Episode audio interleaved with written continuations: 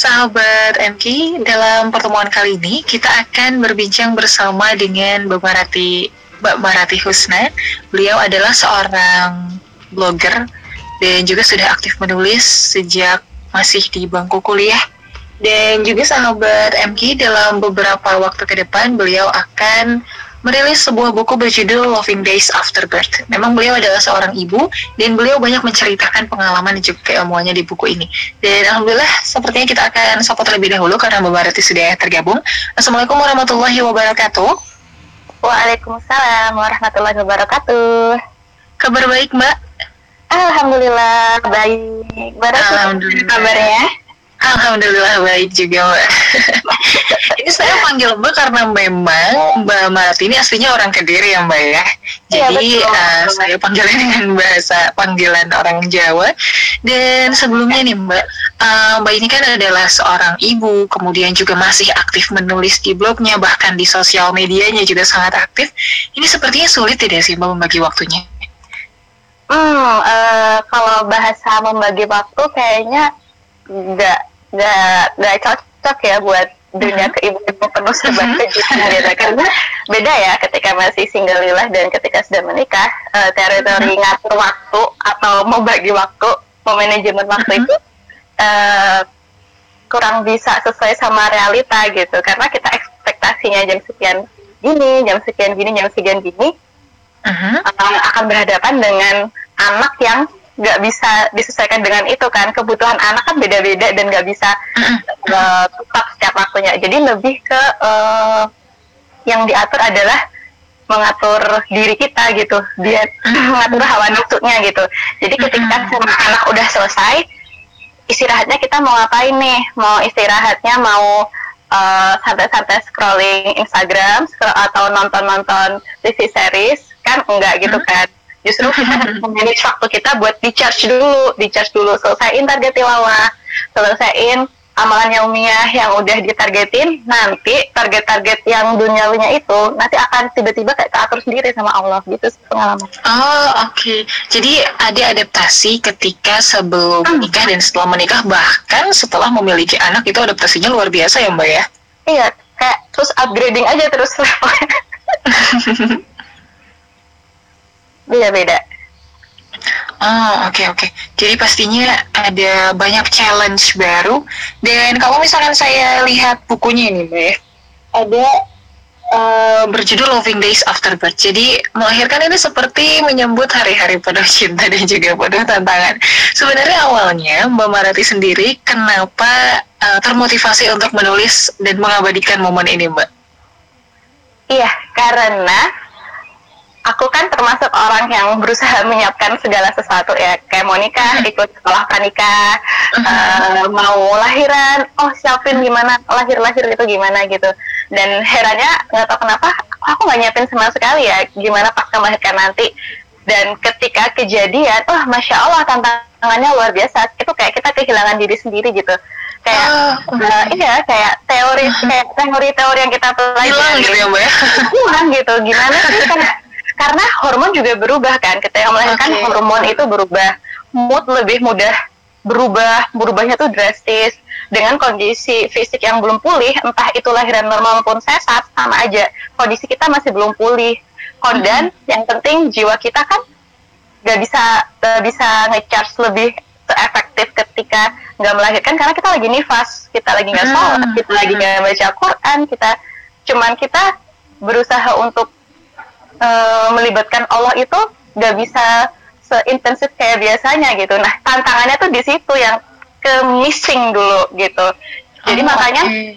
uh, makanya aku pengen ya oh ya terus ketika melihat cerita-cerita uh, postpartum life ya istilahnya hari-hari setelah melahirkan hmm. ibu lain itu kebanyakan emang ceritanya sedih-sedih gitu loh. Uh, iya, emang emang betul writing for healing gitu. Tapi apakah ketika ditulis itu lalu semuanya meluarkan kesedihan itu, terus gimana dengan psikis-psikis yang perlu dibangun, psikis-psikis yang oh, perlu di perlu perlu dikasih nutrisi-nutrisi yang sehat? Hmm. Karena kita sebagai ibu kan harus selalu ready ya, ready betul, betul. mencintai anak bayi ini gitu sebelum betul. sebelum melakukan hal lainnya gitu. Makanya uh, aku berusaha menulis buku ini agar bukan sebagai saluran saluran kepiluan dan kesedihan aja tapi gimana sih sebenarnya how to survive gitu and how to be a loving mother itu sendiri gitu sebenarnya uh, bisa loh caranya melibatkan Allahnya kayak gimana sih ada caranya gitu Ah, oke. Okay. Jadi memang berangkat dari apa yang dialami dan juga fenomena melihat kenapa momen-momen setelah melahirkan ini selalu menjadi momen yang uh, sangat berpengaruh dan juga sangat challenging kepada banyak orang ya, Mbak ya. Jadi awalnya dari situ kemudian iya. dijadikan sebuah buku dan uh, untuk belajarnya juga pastinya tidak mudah ya, Mbak ya. Uh, untuk untuk survive dari postpartum life ini uh -huh. tentunya uh, yang pertama itu harus ada support dari suami kalau aku. Nah, dari uh, support dari suami ini juga namanya juga berharap sama manusia nggak bisa lokalitas juga dong kita harapannya suami gini tapi ternyata kan kondisinya manusia kan juga bisa capek juga betul, bisa betul. full supportive ke diri kita sendiri gitu kan uh, jadinya ya tetap balik lagi ke uh, melibatkan Allahnya itu karena ketika sebanyak apa pun knowledge yang kita siapin ketika mm -hmm. kita nggak berpegangan sama Allah itu nanti kaget ketika ketemu sama misalkan orang-orang nggak siap dengan knowledge kita misalkan ketemu misalkan kita uh, uh, ready dengan oh anak anak kita boleh nih nggak pakai gurita gitu. Terus ketemu sama oh, okay. mertua atau orang tua oh anaknya harus dikasih gurita. Nah gimana kita menjadi itu? Kita fisik belum pulih kita masih butuh bantuan mereka tapi kita tetap bisa asan menyampaikan kalau bu mah sebaiknya gini atau saya baca gini loh. Itu kan kadang susah. Sus betul, karena kita betul. gak di kondisi normal sebelum melahirkan kita bukan diri kita yang kayak biasanya. Kita jauh lebih baper dari itu. Nah itu tuh harus disiapin dan benar-benar harus di zikrullah kenceng-kenceng gitu.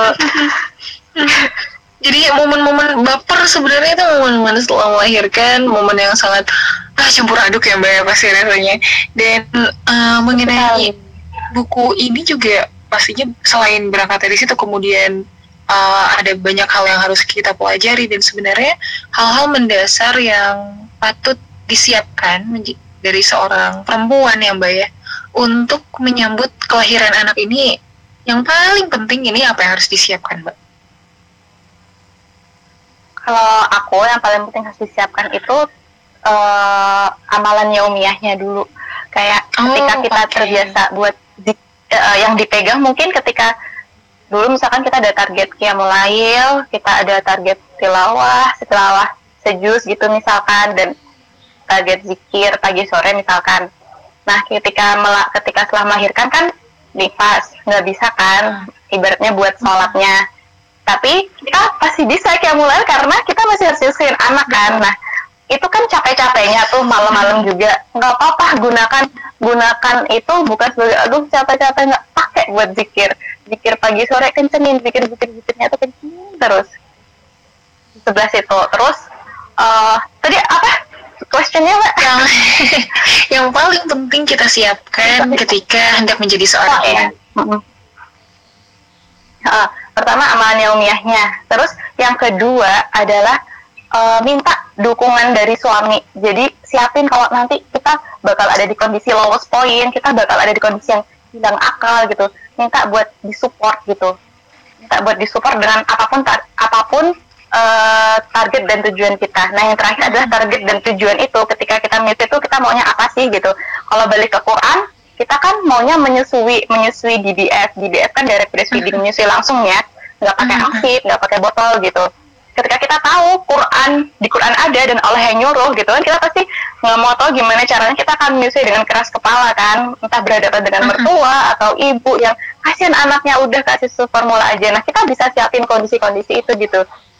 Jadi kita target dan tujuannya balik ke uh, sesuai ses, uh, sesuai sama Quran nggak gitu. Kalau sesuai sama Quran oleh nyuruh insya Allah kita bakal lebih kuat buat berpegang sama target dan tujuan itu gitu Nah, sisanya target dan tujuan yang emang sesuai dengan eh, basic-basic uh, dasar merawat bayi gitu.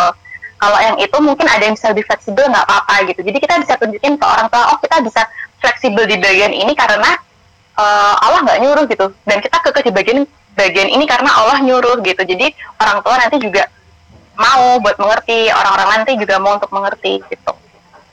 Hmm, oh ya dan terus uh, untuk menentukan target dan tujuan itu kita bisa loh ikut ikut kelas-kelas uh, postpartum life gitu. Ada oh. sekarang banyak banget kelas-kelas persiapan. Ada kelas kalau kelas melahirkan udah udah sering kan kayak prenatal itu kan udah ada seperti apa melahirkannya nah terus kan ada kelas menyusui itu sekarang juga ada kelas menyusui. Aku dulu juga ikut kelas itu. Terus uh, kelas gendong itu juga ada oh, kelas okay. gendong. Jadi gimana sih sebenarnya gendong? Gendong yang benar gendongan yang ergonomis itu gimana? Gimana gendongan itu bisa ngebantu kita untuk menundurkan anak untuk tetap melakukan uh -huh. aktivitas untuk bikin pegel gitu. Uh, dan apa basically sih itu sih kelas menyusui dan kelas menggendong sih kalau aku waktu itu. Oh udah ah, sih. okay. dan, dan kalau sisa-sisanya lainnya bisa bisa bisa terserah, terserah sambil jalan ya mbak ya spesialis anak masing-masing ya terserah kamu kan fleksibel ya kita nggak bisa maksain sebuah betul. teori ke keluarga karena tiap anak beda betul, betul. Gitu. tapi oh. tetap sesuatu yang paling dasar itu uh, ketika tadi mbak mengatakan bahwa siapkan uh, amalan yaumiyah yang terbaik kemudian juga target dan tujuan apakah sesuai Al-Quran dan hadis berarti memang segala sesuatu yang mendasar itu harus kita kembalikan kepada Al-Quran dan hadis yang mau tidak mau ya? Iya bukan mau tidak mau karena justru itu yang menenangkan dan terarah gitu. Kita sudah di kita nih Allah nih sudah ngedesain sudah ngedesain sistem yang seperti ini itu emang arahnya kayak gitu. Dan udah kalau kita ngikut aja ya kita akan keluar dengan output yang terbaik gitu. Kenapa harus cari jalan lain ya kan? Udah udah tahu jalan yang bagus kayak gini ya udah ikutin aja disuruh nyusuin dua tahun menyusul langsung dua tahun udah gitu Allah pasti kasih fasilitas pas Allah pasti kasih kasih uh, kemudahan sepaket dengan apa yang Allah suruh kan Allah perintahkan gitu ah oke okay. kalau kan ada uh-huh. menyusui itu kan uh, semakin sering menyusui semakin banyak asi diproduksi dan masya Allah itulah yang Allah karuniain gitu Allah nggak nggak nggak main-main ketika nyuruh kita nyusuin dua tahun itu nggak dibiarin aja kita struggling sendirian karena di badan kita tuh udah diatur sistem kayak gitu biar kita, biar anak kita bisa dapat apa asupan nutrisi terbaik dan kita juga bisa memberikan memberikan apa yang anak butuhkan gitu. Kalau ngomongin manfaat nutrisi kan pasti banyak banget kan nanti tambah bonding macam-macam Betul betul mbak. Jadi uh, sudah pasti ketika memang enak itu terlahir ke dunia ada banyak hal yang perlu dilakukan seorang ibu dan pasti memang difasilitasi oleh Allah Subhanahu Wa Taala. Meskipun akan ada banyak masalah yang kita alami, tapi masalah-masalah itu juga pasti ada banyak jalan keluaran dan juga banyak alternatifnya ya. Termasuk juga menyusui yang bahkan kita banyak sekali mendengar cerita-cerita bahwa uh, seorang ibu tidak bisa dengan cara apa pun mengeluarkan air susunya dan berbagai macam. Nah, ini dengan cerita-cerita seperti ini, anggapan Mbak Marati seperti apa nih, Mbak? Uh, pertama-tama, uh, dalam fase pasca melahirkan itu, yang paling jadi concern sama orang adalah gimana biar ibunya dulu tetap sehat secara psikis, okay. jadi nggak ada yang namanya baby blues atau sampai naudzubillah postpartum life depression ya atau PPD okay. gitu hmm. karena uh, pertama dia kan dipengaruhi secara fisik ya jadi kita nggak bisa ngatur misalnya kita berusaha ngatur hati kayak gimana secara fisik hormon kita emang udah berubah sehingga mudah banget uh-huh. buat mood swing uh-huh. gitu kan uh-huh. nah jadi uh, ketika kita misalkan udah punya tujuan baik untuk menyusui anak langsung, menyusui menyusui DBF, menyusui dua tahun eksklusif gitu. Uh, lalu datang kejadian yang uh, kita nggak ekspektasi itu terjadi. Allah kan maha kuasa ya. Uh, apa aja bisa Allah rencanain gitu. Misalkan anak itu masuk ke NICU atau misalkan uh, kita sudah berusaha berusaha keras nih berusaha keras kasih tahu orang tua buat jangan dulu tapi tetap uh, terpaksa harus dipaksa gitu. Itu dan ketika misalkan posisinya anak sudah nangis udah udah apa sih tuh uh, udah cranky banget. Kalau udah cranky banget kan pertama harus disusing dulu kan harus ditenangin dulu gitu. Ditenangin dulu. Dan ditenangin dulu misalkan harus kena dot dulu gitu ya udah nggak apa-apa gitu. Nanti belajar minum asi misalkan dia udah terlanjur kena dot ya karena yang terlanjur saya tuh udah terlanjur kena dot. Nggak apa-apa kasih dot aja dulu nanti latihan lagi menyusui lagi ketika anaknya udah tenang gitu. Jadi uh, ketika Nicu juga masuk Nicu juga kan dia otomatis harus minum susu formula kan. Betul betul. Itu udah terima aja dulu nggak apa-apa. Ini kan ketetapan Allah gitu. Terima dulu nggak usah panik aku gagal, aku nggak berhasil kasih anak aku asi eksklusif. itu bisa itu kalau mungkin orang normal kegagalan-kegagalan pada orang normal mungkin menghantamnya kegagalan itu kan kadang bikin kita traumatis ya. Betul. Pada kondisi normal pun bisa bikin kita down gitu. Nah, ketika kondisi pasca melahirkan dengan fis dengan fisik hormon aja yang berubah, dengan fisik yang literally masih luka, jahitan belum kering, luka sesar yang masih belum stabil, kita yang masih lemah, apa rahim masih luka buat berdiri duduk aja masih susah.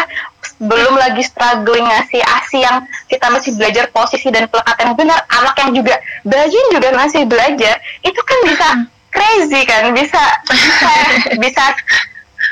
Udah hilang kalau udah hilang hilang akal. Kalau misalkan kita kita uh, gak gak gak melatih gak melatih diri untuk menerima ridho dengan oh ini Allah ini part of Allah gitu jadi pertama harus terima dulu kalau ketika ada yang sesuai ada kejadian yang nggak sesuai dengan ekspektasi itu kita terima dulu ini ini Allah ini Allah gitu ini Allah ini dari Allah gitu. Dan kalau Allah kayak gini pasti ada jalan pasti ada pasti ada uh, pasti ada maksud baik dan ikhtiarnya kan masih tetap ya ikhtiar kita masih tetap cuman hatinya harus terima dulu gitu. Kadang oh, ibu okay. ibu ibu ibu itu terlalu mau terlalu apa ikhtiarnya terlalu kenceng lupa menerima. Akhirnya tumbang. Ada ibunya ketika udah kena baby blues kan jadi yang paling kasihan kan anak bayinya. Betul, betul. kan nggak mau deket-deket sama bayi kan lebih kasihan lagi gitu. Jadi ketika memang ada target-target kita tahu Quran nyuruh. Kita tahu Quran nyuruh uh, dua tahun. Kita tahu asi itu asi terbaik gitu. Kita udah maksimal nih tapi keadaan kan suka nggak sesuai ekspektasi terima dulu. Nanti kita coba lagi. Jadi take break dulu. Oke nggak apa-apa. Jangan langsung aduh gimana nih? Gimana nih? Pusing. Paksain paksain. Anak nangis gak karuan. Paksain paksain. Tenang dulu. Relax dulu. Ingat Allah zikir. Uh, innalillah semua ini milik Allah gitu. Uh, innalillah wa inna ilaihi rojiun kan semua yang menimpa kita. Nggak nggak melulu musibah ya semua yang menimpa kita. Itu kan betul betul uh, bagian dari campur tangan Allah kan? Maksudnya mm-hmm. ini Allah loh ini Allah tenang tenang ini dari Allah kok.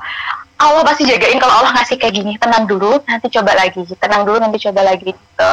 Jadi jangan rungsing jangan rungsing ketika wah mertua aku nih nggak nggak aku buat ah orang tua aku nih nggak ini apa aku aku jadi nggak bisa nyusuin gara-gara anak aku dicekokin formula. Ah, anak aku gara-gara anak aku masuk nicu aku apa aku jadi nggak bisa nyusuin anak aku kayak gitu. Jadi nggak eksklusif gitu. Aku sedih aku merasa aku merasa gagal. Aku kasihan anak aku nggak bisa dapet asi kasihan anak aku gitu. Kan okay. lebih kecil ke anak kan gimana sih? Bayi baru lahir. Kebayang gak sih? Masih masih masih lembut gitu. Terus kita ngeras kita sebagai ibunya harus bisa kasih apa dukungan pertama malah nggak bisa kasih apa-apa. Nah kalau nggak nggak inget kalau itu tuh bagian dari ketentuan Allah dan pasti ada jalan dari situ habis. Gitu. Makanya harus siapkan hati untuk ridho dan bersabar.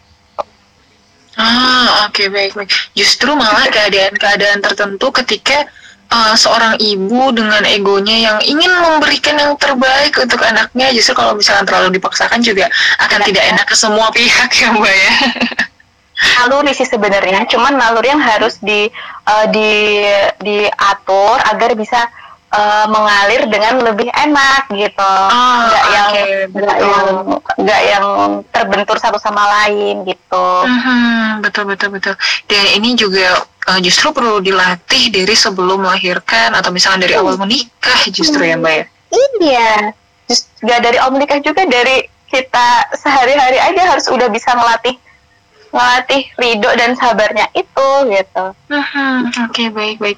Dan ini seberapa, seberapa otomatis gitu. Hmm. Betul betul. Ini juga pastinya tantangan untuk uh, semua wanita karena uh, memang wanita ini menjadi pada satu Allah akan, akan melahirkan seorang anak sahabat MK dan alhamdulillah sahabat MK kita masih ada dua segmen lagi berbincang bersama dengan Mbak Marati silahkan sahabat MK jika anda ingin mengirimkan pertanyaan atau ada yang memiliki pertanyaan seputar dengan kelahiran atau juga hari-hari setelah kelahiran sahabat MK mengenai menyusui, menggendong anak, kemudian juga masalah kesehatan bayi baru lahir, silahkan sampaikan di WhatsApp ataupun SMS MKFM di 081122411027 dan kita akan jeda sejenak sahabat MK untuk menyimak beberapa informasi dari relasi kami berikut ini. Sahabat MK, apa inti dan pokok dari agama Islam? Simak jawabannya selepas informasi berikut ini. Assalamualaikum warahmatullahi wabarakatuh. Saya Ridwan Kamil, Gubernur Jawa Barat, mengajak seluruh rakyat Muslim Indonesia, khususnya di Jawa Barat, untuk mendukung sebuah rencana ukhuwah Islamiyah kita, yaitu membangun Masjid Besar Indonesia pertama kali di Gaza, Palestina, yang digagas oleh Yayasan Aman Palestina Indonesia. Masjid Syekh Ajlin di Gaza, Palestina, dihancurkan pada agresi Israel tahun 2014. Setiap harinya, minimal ada 580 orang yang sholat di masjid tersebut. Aman Palestina, Wakaf dan Urusan Agama Palestina akan membangun ulang masjid tersebut. Anggaran yang diperlukan sebesar 20 miliar rupiah. Ridwan Kamil mendesain pembangunan kembali masjid tersebut. Ini adalah masjid besar Indonesia pertama di Gaza, Palestina. Donasi wakaf dapat disalurkan melalui BNI Syariah nomor 550 550 4442 atas nama Aman Palestina Indonesia. Tambahkan angka 505 di akhir nominal donasi yang Anda sampaikan. Hotline 0812 6160 9191. Aman Palestina Indonesia. Keikhlasan Anda, ketulusan kami. Assalamualaikum Pak, selamat datang di Pegadaian Syariah. Ada yang bisa kami bantu? Waalaikumsalam Mbak, ini saya mau menggadaikan motor saya Mbak, bisa? Sebelumnya Bapak sudah pernah menggunakan produk Pegadaian Syariah? Belum pernah Mbak, tapi saya mendengar iklan Arum Mikro Pegadaian Syariah di radio, makanya saya langsung ke sini. Benar sekali Bapak, Pegadaian Syariah memiliki produk Arum Mikro. Ada juga produk-produk lainnya. Persyaratannya apa saja ya Mbak untuk Arum Mikro? Untuk Arum Mikro, Bapak harus sudah memiliki usaha sendiri yang sudah berjalan minimal satu tahun. Fotokopi KTP, kartu keluarga, dan surat nikah dengan menunjukkan aslinya. Nah, untuk barang yang akan dijaminkan seperti tadi, Bapak bilang motor, Bapak harus menyerahkan BPKB asli, fotokopi STNK, dan faktur pembelian. Kalau motornya tidak usah, Bapak gunakan saja. Makanya itu saya ke sini. Saya ingin mengembangkan usaha saya, Mbak, agar lebih maju dan berkah. Ya sudah Mbak, langsung saja. Prosesnya nggak lama dan nggak ribet kan? Mudah, cepat, aman, dan insya Allah berkah Pak. Ingin mengembangkan usaha Anda agar usaha Anda lebih maju? Arum Mikro dari Pegadaian Syariah adalah solusinya. Segera kunjungi Pegadaian Syariah terdekat. Pegadaian Syariah, tepat caranya, berkah hasilnya. Sahabat MK, siapa yang tidak ingin menggapai keluarga bahagia yang bisa bersama hingga ke syurga? Alhamdulillah, kini telah terbit buku saku berisi rumus untuk hidup bahagia bersama keluarga karya Umi Ika, narasumber program Rumahku Syurgaku MKFM Bandung dengan judul Mewujudkan Kebahagiaan dalam Rumah Tangga. Mari berbelanja multi pahala karena dengan membeli buku ini seharga Rp50.000 Anda sekaligus telah berinfak untuk guru ngaji, penghafal Al-Quran, dan kegiatan sosial. Informasi pemesanan hubungi 0857 8332 8859 0857 8332 8859. Allah Subhanahu wa taala berfirman, Barang siapa yang bertakwa kepada Allah, maka dia akan menjadikan jalan keluar baginya dan memberinya rizki dari jalan yang tidak ia sangka. Dan barang siapa yang bertawakal kepada Allah, maka cukuplah Allah baginya Sesungguhnya Allah melaksanakan kehendaknya. Dia telah menjadikan untuk setiap sesuatu sesuai kadarnya. Al-Quran Surat At-Tolak ayat 2 sampai 3.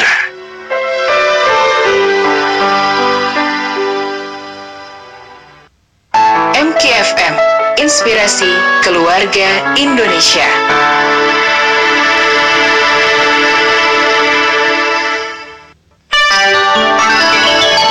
Sahabat MK, perkara akidah dan tauhid merupakan pokok di dalam agama Islam. Allah Subhanahu wa taala berfirman, "Dan tidaklah aku ciptakan jin dan manusia, melainkan supaya mereka beribadah kepadaku." Al-Quran Surat Az-Zariyat ayat 56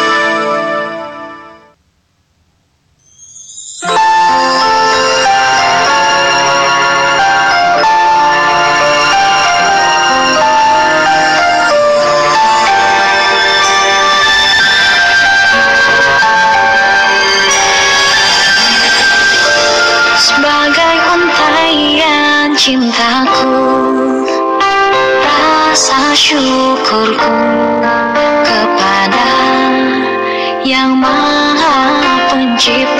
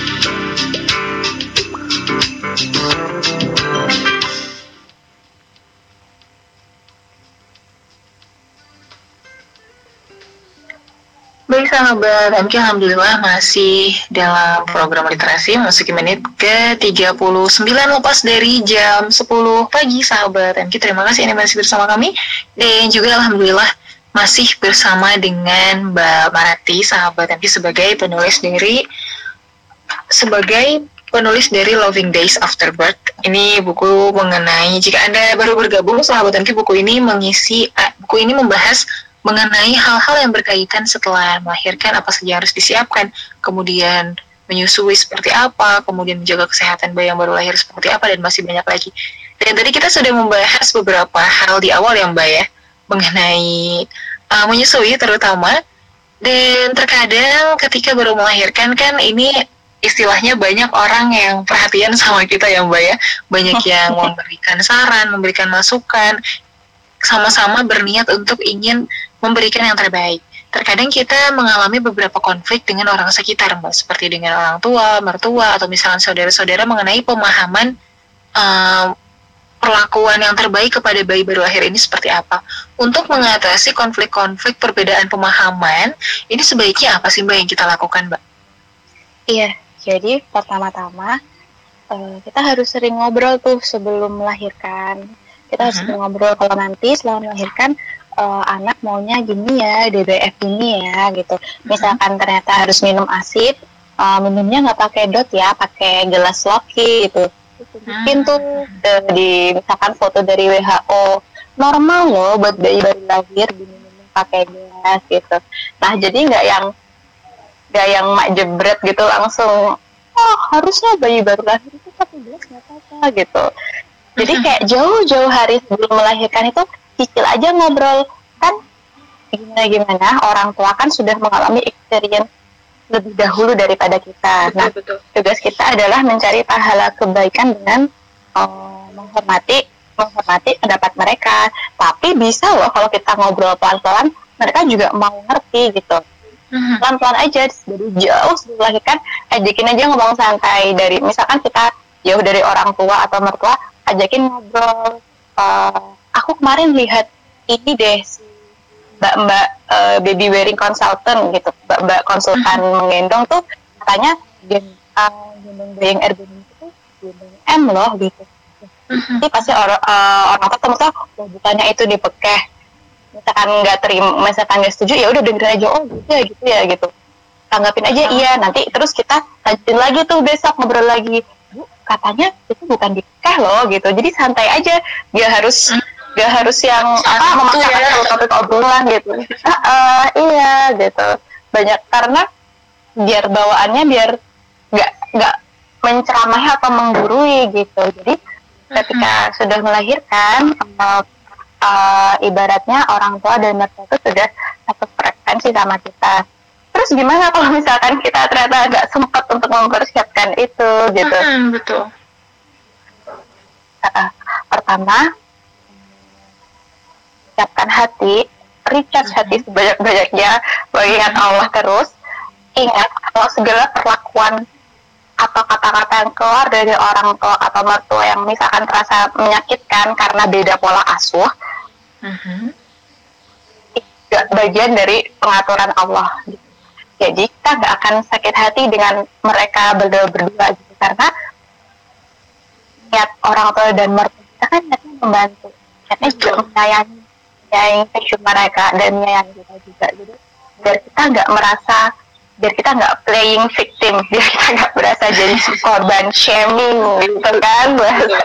Biar kita nggak ngerasa aku aku di shaming pola asuhku dipermalukan pola asuhku di tidak dianggap jangan ngerasa gitu jadi terima terima dulu perlakuan mereka itu bagian dari pengaturan Allah gitu nggak apa-apa gitu gak usah sakit hati. Jadi kita akan lebih mudah memaafkan dan lebih lapang menerima dan akhirnya kita bisa uh, membentuk, uh, bisa membangun hati untuk menyiapkan menyiapkan otak. Oh, jadi solusinya harus gimana nih? Misalkan orang tua nggak setuju gitu, misalkan minta tolong suami, bilang ke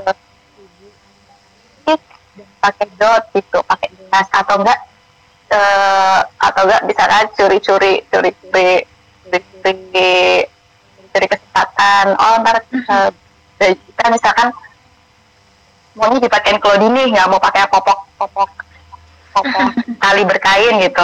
Misalkan misalkan orang pada mertua pengen pakai popok kain bertali aja biar bisa bernafas. Kasihan pakai Claudie balti gitu. Padahal menurut pemahaman kita Claudie itu baik. Nggak apa-apa misalkan mereka lagi pergi kita patiin gitu. Pelan-pelan aja santai aja nggak apa-apa. Slow aja. Dan selalu libatkan Allah gitu biar nggak sakit hati. Ah betul. Santai dulu aja, nggak usah ngotot-ngotot banget gitu ya mbak.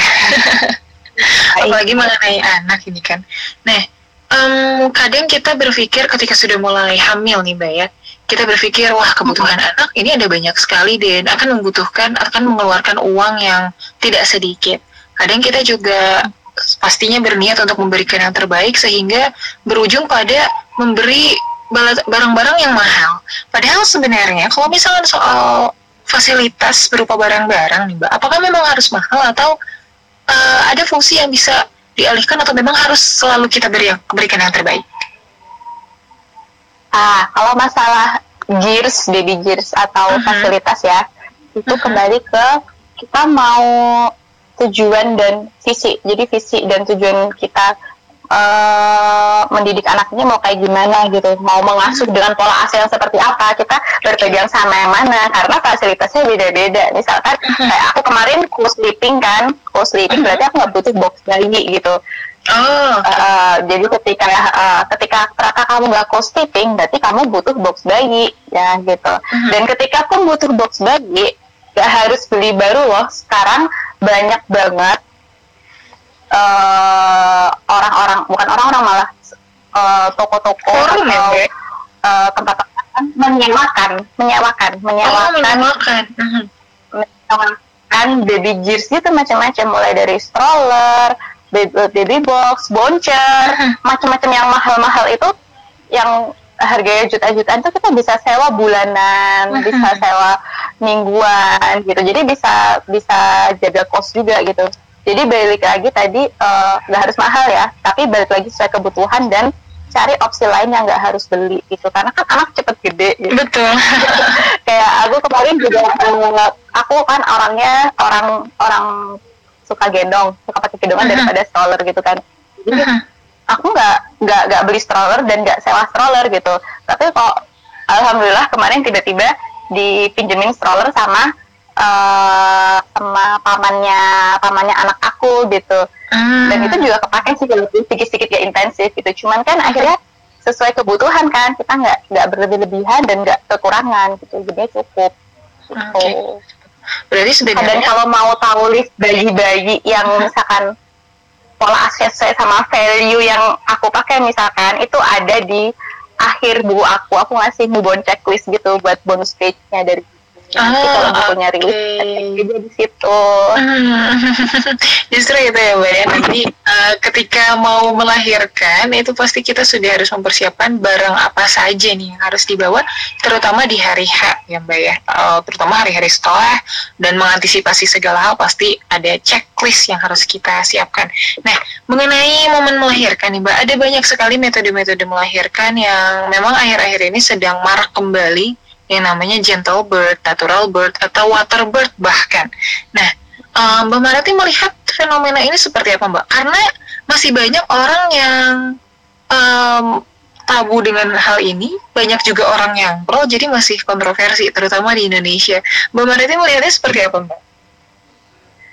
saya melihatnya ini hal yang bagus dan hal yang Allah eh, sebuah terobosan ya sebuah terobosan dalam dunia persalinan bukan cuma buat orang-orang dan masyarakat umum bahkan untuk tenaga kesehatannya juga gitu Oke. banyak Hmm. masih uh, banyak masih uh, objin ataupun bidan event bidan uh, bahkan masih belum terbiasa dan belum familiar dengan yang namanya gentle birth gitu Mhm. jadi ketika kita uh, kayak kalau aku kemarin pengalamanku kemarin kan aku ikut uh, prenatal class itu Mhm. Uh, di tempat yang agak jauh dari rumah ya karena dia available-nya di situ gitu. Jadi ketika aku udah tahu knowledge knowledge tentang how to deliver birth uh, the way I want gitu, yang sesuai dengan Islam juga amani sih waktu itu aku amani. Jadi dia kayak gabungan gentle birth sesuai dengan Quran gitu juga kayak Hmm. cara melahirkannya Maryam gitu-gitu loh. Mm-mm. Nah, ketika aku berusaha mencari uh, provider kesehatan yang dekat dengan rumah, Itu ternyata masih belum familiar semua dengan birth Oh, gitu. Oke. Akhirnya kodarullah, kodarullah akhirnya uh, setelah diskusi dengan suami ya udah carinya deket aja, nggak usah yang di tempat kita dulu prenatal nurse karena terlalu jauh dari rumah gitu kan takutnya Mhm. kenapa-kenapa. Oke, Bismillah cari yang bener-bener kira-kira kira-kira mendekati gitu. Waktu itu carinya udah ketemu yang nggak episiotomi. Episiotomi itu nggak ngegunting Nggak gunting Oh. perineum. Itu aja akhirnya udah dapet itu udah ya udah oke di sini aja walaupun Alhamdulillah ya, Mbak ya. posisi ah, walaupun posisi melahirkannya masih masih yang posisi klasik gitu ya udah nggak apa-apa gitu.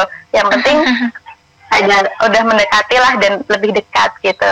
Jadi ya gitu apa ini belum familiar dan ketika kita mendapati keadaan yang tidak sesuai dengan ekspektasi kembali lagi ya sudah gitu nggak apa-apa gitu jalani aja terima aja gitu Nah. kalau baik gitu Mhm, betul betul karena uh, gentle bird ini memang uh, kalau misalkan saya pernah melihat di YouTube di Bali ada tempatnya ya Mbak ya kemudian di Pulau Jawa juga sudah mulai bermunculan terutama juga waterbird ini juga hal yang baru ya Mbak ya atau sebenarnya Sudah sudah lama. lama tapi baru mulai uh, marak lagi di Indonesia atau seperti apa?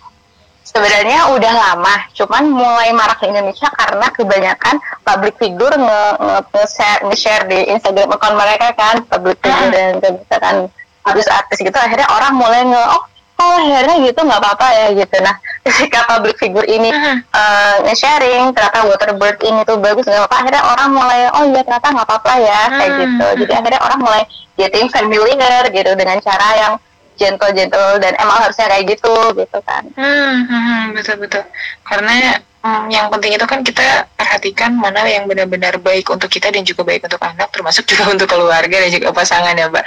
Mengenai pasangan, ini kita sama-sama percaya bahwa rumah tangga ini kan tidak sendiri, pastinya ber- berdua dengan pasangan, termasuk juga dalam hal mendidik anak, melahirkan dan segala macam. Nah, menurut Mbak, seberapa besar pentingnya peran seorang suami dalam momen melahirkan? besar banget. Itu kan lagi momen melahirkan ya. Se- eh, beberapa saat sebelum melahirkan. Itu kan kita lagi mulus-mulusnya tuh.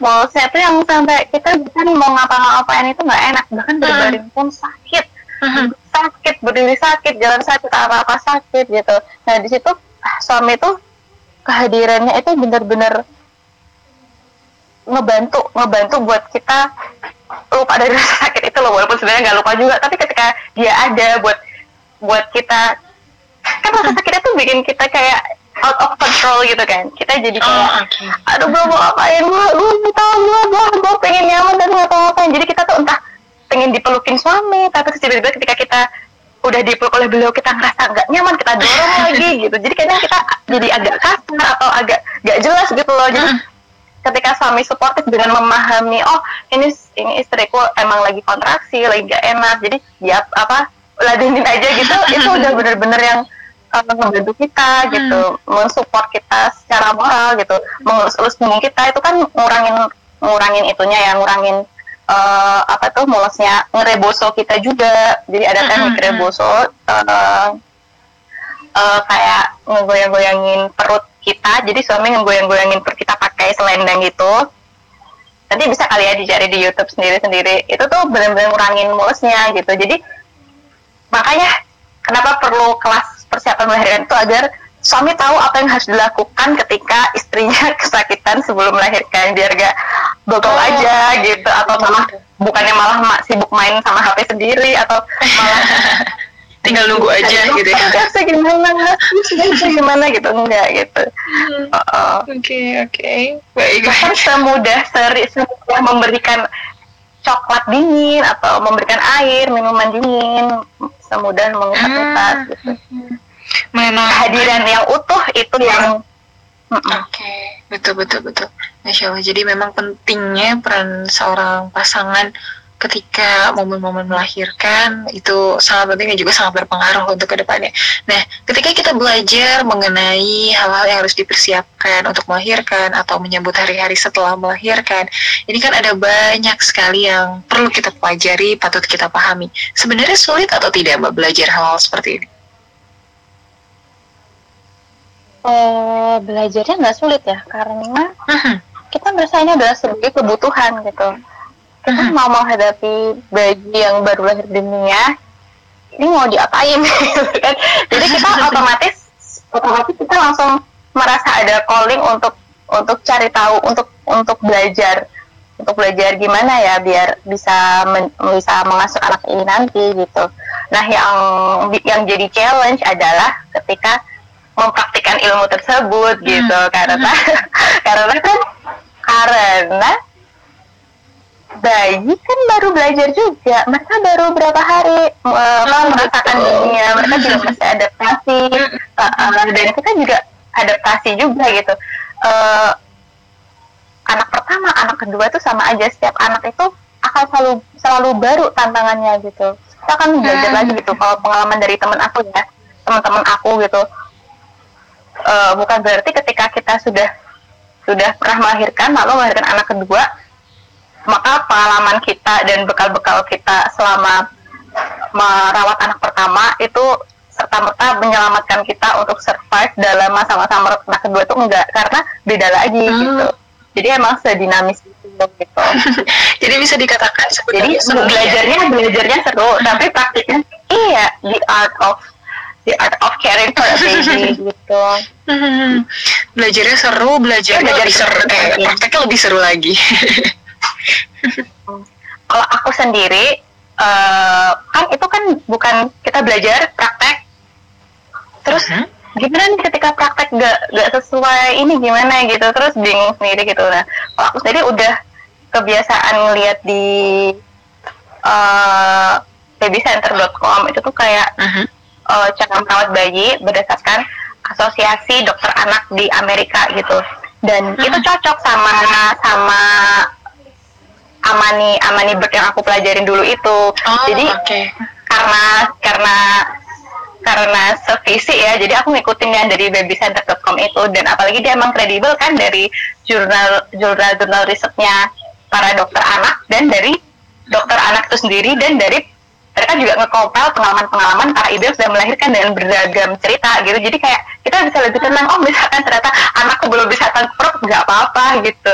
Oh kalau hmm. kayak gini misalkan nggak pakai bedak dulu nggak apa-apa gitu. Oh oh kalau umur ini harusnya digini ini misalkan dia habis nyusuin caranya harus disendawain kayak gini oh gitu. Kayak gitu-gitu. Jadi tetap tetap ada ada ikhtiar buat meng, apa maintain si ilmunya tadi aku lihat dari babycenter.com itu.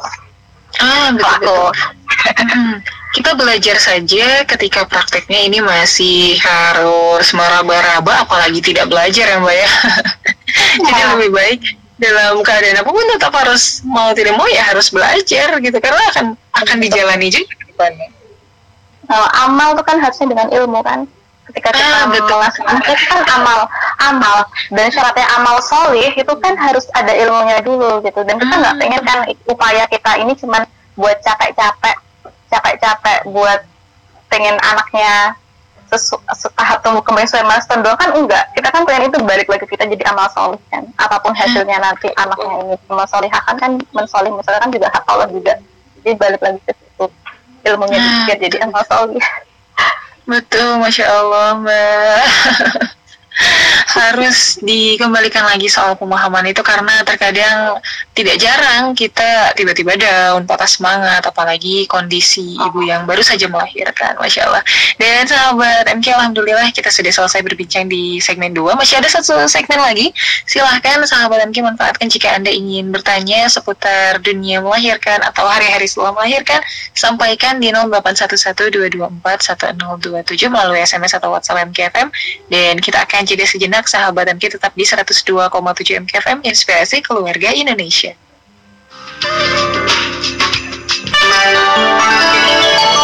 Sahabat MK, apa makna dari bersyukur? Simak jawabannya selepas informasi berikut ini. Sahabat MK, siapa yang tidak ingin menggapai keluarga bahagia yang bisa bersama hingga ke syurga? Alhamdulillah, kini telah terbit buku saku berisi rumus untuk hidup bahagia bersama keluarga karya Umi Ika, narasumber program Rumahku Syurgaku MKFM Bandung. Dengan judul Mewujudkan Kebahagiaan dalam Rumah Tangga. Mari berbelanja multi pahala. Karena dengan membeli buku ini seharga Rp50.000 Anda sekaligus telah berinfak untuk guru ngaji, penghafal Al-Quran, dan kegiatan sosial. Informasi pemesanan hubungi 0857 8332 8859 0857 8332 8859 Uh, kesel. Hari ini aku udah bikin laporan yang terbaik. Datanya lengkap, mudah dibaca, tapi tetep aja disuruh atasan benerin inilah, itulah. Udah begadang-gadang, masih aja kena coret. Hmm, curhat dulu ah sama mama.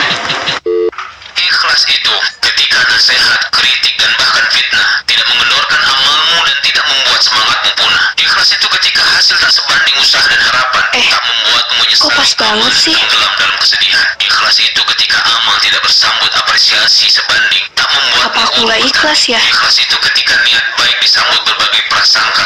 Assalamualaikum Fit. Wa Waalaikumsalam. Ada apa? Tumben nelfon jam segini? Eh, enggak mah. Tadinya sih mau curhat, tapi nggak jadi ah. Udah kejawab dari ceramah barusan. Makasih ya, Mah. Eh, Mama lagi apa?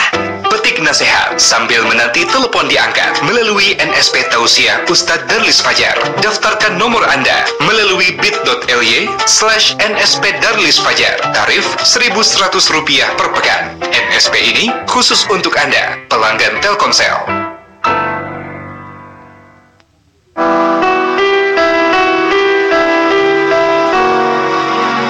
Allah Subhanahu wa taala berfirman, Allah tidak membebani seseorang melainkan sesuai dengan kesanggupannya. Al-Qur'an surat Al-Baqarah ayat 286.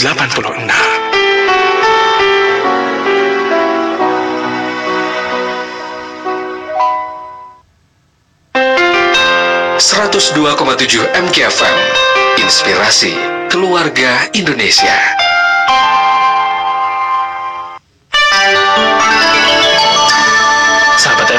Syukur adalah menunjukkan adanya nikmat Allah pada dirinya melalui lisan, hati, dan anggota badan berupa kepatuhan dan ketaatan kepada Allah.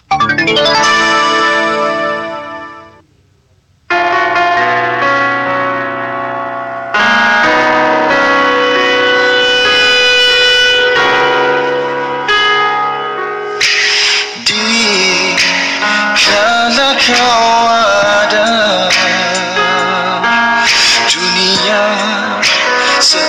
seakan bersama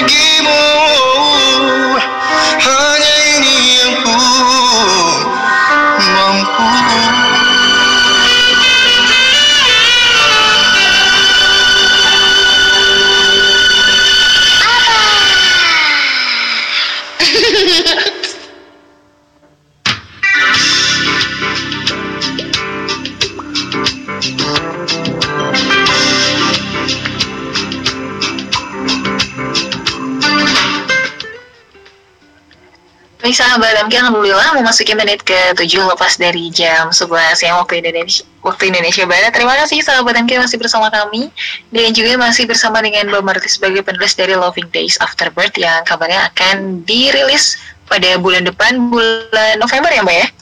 Iya, insya Allah. Mohon doanya. Jadi kita bahas dulu sekilas ini mengenai bukunya di Iya, Kawan. Uh, mengenai momen setelah melahirkan, apalagi banyak kegiatan baru, banyak ilmu baru yang belum kita pelajari sepenuhnya, kemudian juga challenge-challenge baru, pastinya tidak dipungkiri bahwa seorang ibu akan merasa lelah ya Mbak ya. Dan kalau misalkan berkelanjutan, bahkan bisa mengakibatkan stres di dalam kepala sendiri. Sebaiknya nih, ketika kita sedang merasa hal-hal seperti itu, apa yang bisa kita lakukan untuk membangkitkan semangat kita lagi? Iya, eh, fitrahnya hati itu kan eh, hati cuma punya satu rongga kan, dan ketika diisi oleh eh, misalkan malah nonton, malah dengerin musik atau scroll-scroll nggak faedah, hati malah jadi lebih capek. Udah mah kita capek, eh, target target belum selesai, terus badan capek, hati capek, diisi lagi sama yang kayak gitu-gitu ya malah lebih capek lagi gitu. Kan bukan padahal hati itu kan milik Allah ya bukan gitu kan kita hati ketika lelah terus lelahkan lagi hati itu dengan Al-Quran kalau aku. Jadi makanya ketika kita Al-Quran dan zikrullah jadi ketika aku nifas itu aku benar-benar nyesel kenapa nggak ada target mungkin Quran sebelum sebelum melahirkan gitu Ya. Allah. nyeselnya tuh ampun ampun gitu kayak ketika kita sudah makan kan kita nggak butuh lagi tegang ketika kondisi emang nggak mungkin kan kita sambil nyusuin sambil nyusuin itu kan bisa bisa lama banget kan apalagi baru melahirkan tuh bisa sampai setiap jam. Apalagi kalau ada lagi growth spurt tuh bisa nggak selesai selesai kita gituin gitu. Betul betul Uh, makanya ketika ketika uh, nggak memungkinkan untuk baca Quran lafalkan yang kita hafal gitu. Lafal yang kita hafal atau enggak baik lagi ke zikir. Gitu. zikirnya tuh bukan uh, entah kita ngejar target sebaik-baiknya istighfar atau dirasain gitu misalkan uh, guru ma'asri fil ardi sama wa rasul alim. Misalkan kita lagi lagi sakit atau lagi rawat apa rasain gitu. Rasain kalimat itu. Nggak akan ada yang bisa membahayakan kok. Allah jagain. Bener dirasain gitu. Bener-bener zikir itu nggak sekedar nggak sekedar oh, lewat aja buat nyelesain. Aku udah selesai nih sama kok nggak tenang ya? Dirasain gitu. Setiap setiap apa kalimat itu dirasain gitu. Di di di dicek lagi uh, fadilah-fadilahnya. Ketika misalkan baca la ilaha illallah wahdahu la syarikalah lahul mulku alhamdulillah wa la kulli qadir 10 kali itu fadilahnya apa? Jadi dari kita senang gitu. Senangnya tuh dapat gitu. Minta dari zikir tuh kita berusaha menggantungkan itu semua sama Allah ya Allah aku capek aku sudah ikhtiar loh gitu. Ikhtiar ini loh hasil apa pun insya Allah hamba ridho tapi kasih ketenangannya Allah gitu. Kan yang kita butuhkan kan itu kan uh, itu gitu. Jadi hasil apa pun itu kan hak prerogatif Allah gitu. Mau kita ikhtiar kita semaksimal apa pun hak, hasil akhir itu hak Allah gitu. Betul betul. Privilege yang kita dapat ketika kita mengandungkan semua itu sama Allah itu adalah tenang dan terarah. Kalau udah tenang dan terarah kan nggak capek lagi. Kita bisa jadi loving mother. Anak kita dapat hak-hak untuk disayangin hmm. Uh-huh. jadi meskipun Oh, berpikir jadi kalau aku dulu dipasrahkan ya mbak ya? Mm-mm. yang itu di ada zikir yang rasa banget kepake waktu habis melahirkan tuh yang ya hayya qayyum bi rahmatika astaghis. Ah oh betul betul betul. Ya Allah kepadamu aku meminta pertolongan gitu kan? Asli nih Nikulah mudahkanlah semua urusan-urusanku gitu. Dan, dan wala takilni ila nafsi tarfatain dan jangan sampai eh, biarkan aku menyandarkan urusanku pada diriku walaupun sekejap mata gitu. Kata kita sih apa effort kita kan cuma segede-gede aja bukan effort kita jadiin anak gitu bukan effort kita jadiin eh, kita bisa nyelesain buku satu gitu bukan. Kan Allah yang gerakin semuanya. Gitu. itu yang bikin bikin telahnya balik lagi. Dipecat lagi. Baik baik baik Allah Nah itu kan kita tetap harus menjaga kewarasan tadi ya Mbak. Kadang kita juga butuh, kita akan selalu butuh uh, me time meskipun sudah memiliki anak. Sebenarnya me time yang terbaik yang bisa kita lakukan setelah berkeluarga ini sebaiknya seperti apa sih Mbak? Iya, me time itu kalau aku sih telah mengalami dikejar-kejar sama anak seharian. itu kan namanya bisa sangat push itu adalah me time banget gitu. Oh ya tadi kan di awal kan dibahas kayak eh, sebenarnya manajemen kondisi ini gimana. Jadi aku tuh kayak punya kandang-kandang waktu sih. Jadi kandang waktu sebelum anak bangun itu adalah waktunya recharge sebanyak-banyaknya me time-nya itu lewat malamnya, baca Qur'annya, itu dikencengin di situ, zikirnya atau banyak dikencengin di situ. Jadi ketika anak bangun kita udah ready. Dan ketika anak bangun, udah kita fokus aja sama anak semuanya gitu. Misalkan sholat juga masih apa? Masih harus eh, nggak bisa sehusyuk ketika ketika di dini hari ya nggak apa-apa gitu. Kan pas kita berusaha eh, berusaha menunjukkan ke anak ini loh waktunya kita sholat kita selesai jam segini ya itu kan termasuk walaupun misalkan anak lagi pengen main ketika kita tetap tetap tetap ngelanjutin ayo udah waktunya sholat duhur kita tetap duhur dia selesai main kita kita contohin kita sholat walaupun dia sambil tarik tarik bukan kita kita kan sama aja udah mendidik mendidik mendidik menyusun mendidik waktu sholat kan gitu. Jadi kalau jadi eh, setelah kejar-kejaran seharian sampai waktunya dia tidur sama waktu dia tidur akhirnya aku punya me time lagi entah itu buat domestik atau buat buat ngeblogging. Oh oke. Nah nah itu tuh sebelum domestik dan sebelum ngeblogging biasanya sempetin dulu nyelesain tilawah sejus gitu biar biar tenang gitu biar biar prioritas slot waktu kita ini untuk untuk apa sih gitu. Kalau kalau slot waktunya diprioritasin untuk untuk dunia-dunia aja itu sayang banget kan kalau yang di al kahfi ayat berapa ya? Yang al malu wal banuna zinatul hayatid dunia harta dan anak-anak itu adalah eh, perhiasan dunia gitu. Jadi segala harta itu kan segala yang kita lakuin. Dan anak-anak itu kan entah dari ikhtiar-ikhtiar kita mengatur kurikulum kegiatan mengasuh mereka itu kan emang dijadikan terasa indah. Dijadikan obsesi kan akhirnya. Kita jadi ada kita kita bisa tuh kuat kuat ngatur kurikulum anak sampai dini hari. Kuat ikut parenting berjam-jam kuat nulis kuat ngeblok sampai berjam-jam. Tapi padahal kalau kata Allah kan kalau bakiyatus solihatu khairun lebih baik kan amal soleh yang terus terus lebih baik padahal Al-Quran amal soleh itu ibaratnya ibadah yang konsisten gitu kan lebih baik. Iya mengasuh anak itu amal soleh. Iya eh, menulis untuk eh, untuk amal jariah untuk kebermanfaatan itu amal baik. Tapi ada ibadah yang konsisten yang tetap harus kita prioritasin loh di mata Allah gitu. Dan cita-cita kita kan itu kan jadi yang terbaik di mata Allah kan. Betul. Dan itu lebih abadi lebih abadi daripada yang cuman dunia yang cuma sebentar aja gitu. Yang kita usahain di, di- kita usahain dengan ibadah konsisten itu eh investnya kerasa sampai kita mati nanti gitu. Jadi me time-nya itu harus eh, banyak-banyakin ibadah. Walaupun sampai emang susah sih tapi lebih kerasa kerasa loh mbak. Kerasa loh kalau apa eh, malam itu ketika anak udah bobo kita eh, nyelesain eh, tilawah dulu atau apa aja Qurannya dulu diselesain dulu baru ngeblok gendeng itu kerasa bedanya. Kalau ngeblok dulu baru Quran dulu tuh kayak kayak kebingungan tiada akhir gitu. Kayak gak selesai selesai kayak ngejar kayak terjebak ke rutinitas yang gak Wah, selesai gitu. betul betul mbak. Emang mengistirahatkan iya. Kan katanya yakin Quran sebagai petunjuk sebagai obat. Kalau emang buat time ya justru itu kan bukan yang time kita harusnya dengan petunjuk-petunjuk dari Allah gitu. Oke baik baik mbak.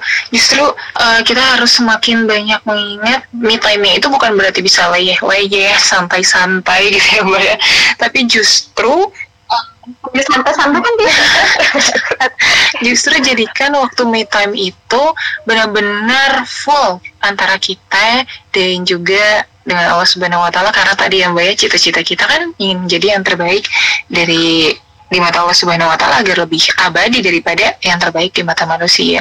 Baik, masya Allah Mbak Marati, terima kasih banyak atas waktunya. Sudah berbagi waktu dan juga berbagi ilmu. Dan terakhir Mbak ini uh, ketika bukunya nanti dirilis, ini kira-kira untuk sahabat MK yang berminat untuk membeli bisa dibeli atau dipesan di mana nantinya? nanti bisa dipesan di meratihusna.com Oke, jadi untuk kabar lebih lanjutnya lebih baik silahkan follow dulu Instagramnya Mbak Marati ya Mbak ya. di Instagram @maratihusna silahkan sahabat MK karena di situ juga eh, Mbak Marati ini tidak hanya sering mengakti- mempublish aktivitas dirinya tapi juga banyak memberikan ilmu-ilmu jadi insya Allah tidak akan rugi untuk memfollownya lebih dulu ya sahabat MK. semoga bermanfaat Amin, insya Allah. Mbak Marati, terima kasih banyak sekali lagi dari saya sudah menyempatkan hadir sambil berbagi. Insya Allah pagi ini akan bermanfaat. Salam untuk Mariam ya, Mbak ya, dan juga untuk keluarga. Dan uh, semoga sehat selalu di kondisi seperti ini dan juga akan lancar proyek apa pun ke depannya. Saya mohon pamit, Mbak. Wassalamualaikum warahmatullahi wabarakatuh. Waalaikumsalam warahmatullahi wabarakatuh Baik sahabat MK, Alhamdulillah kita sudah selesai berbincang deng- ber- dengan Mbak Marati Husna. Alhamdulillah banyak sekali insight baru yang saya dapatkan pagi ini karena banyak juga yang saya catat untuk pengalaman ke depannya mungkin ya sahabat MK. Dan kali ini saya akan mengundang Anda untuk memilih moratal pilihan yang sudah kami sediakan di siang hari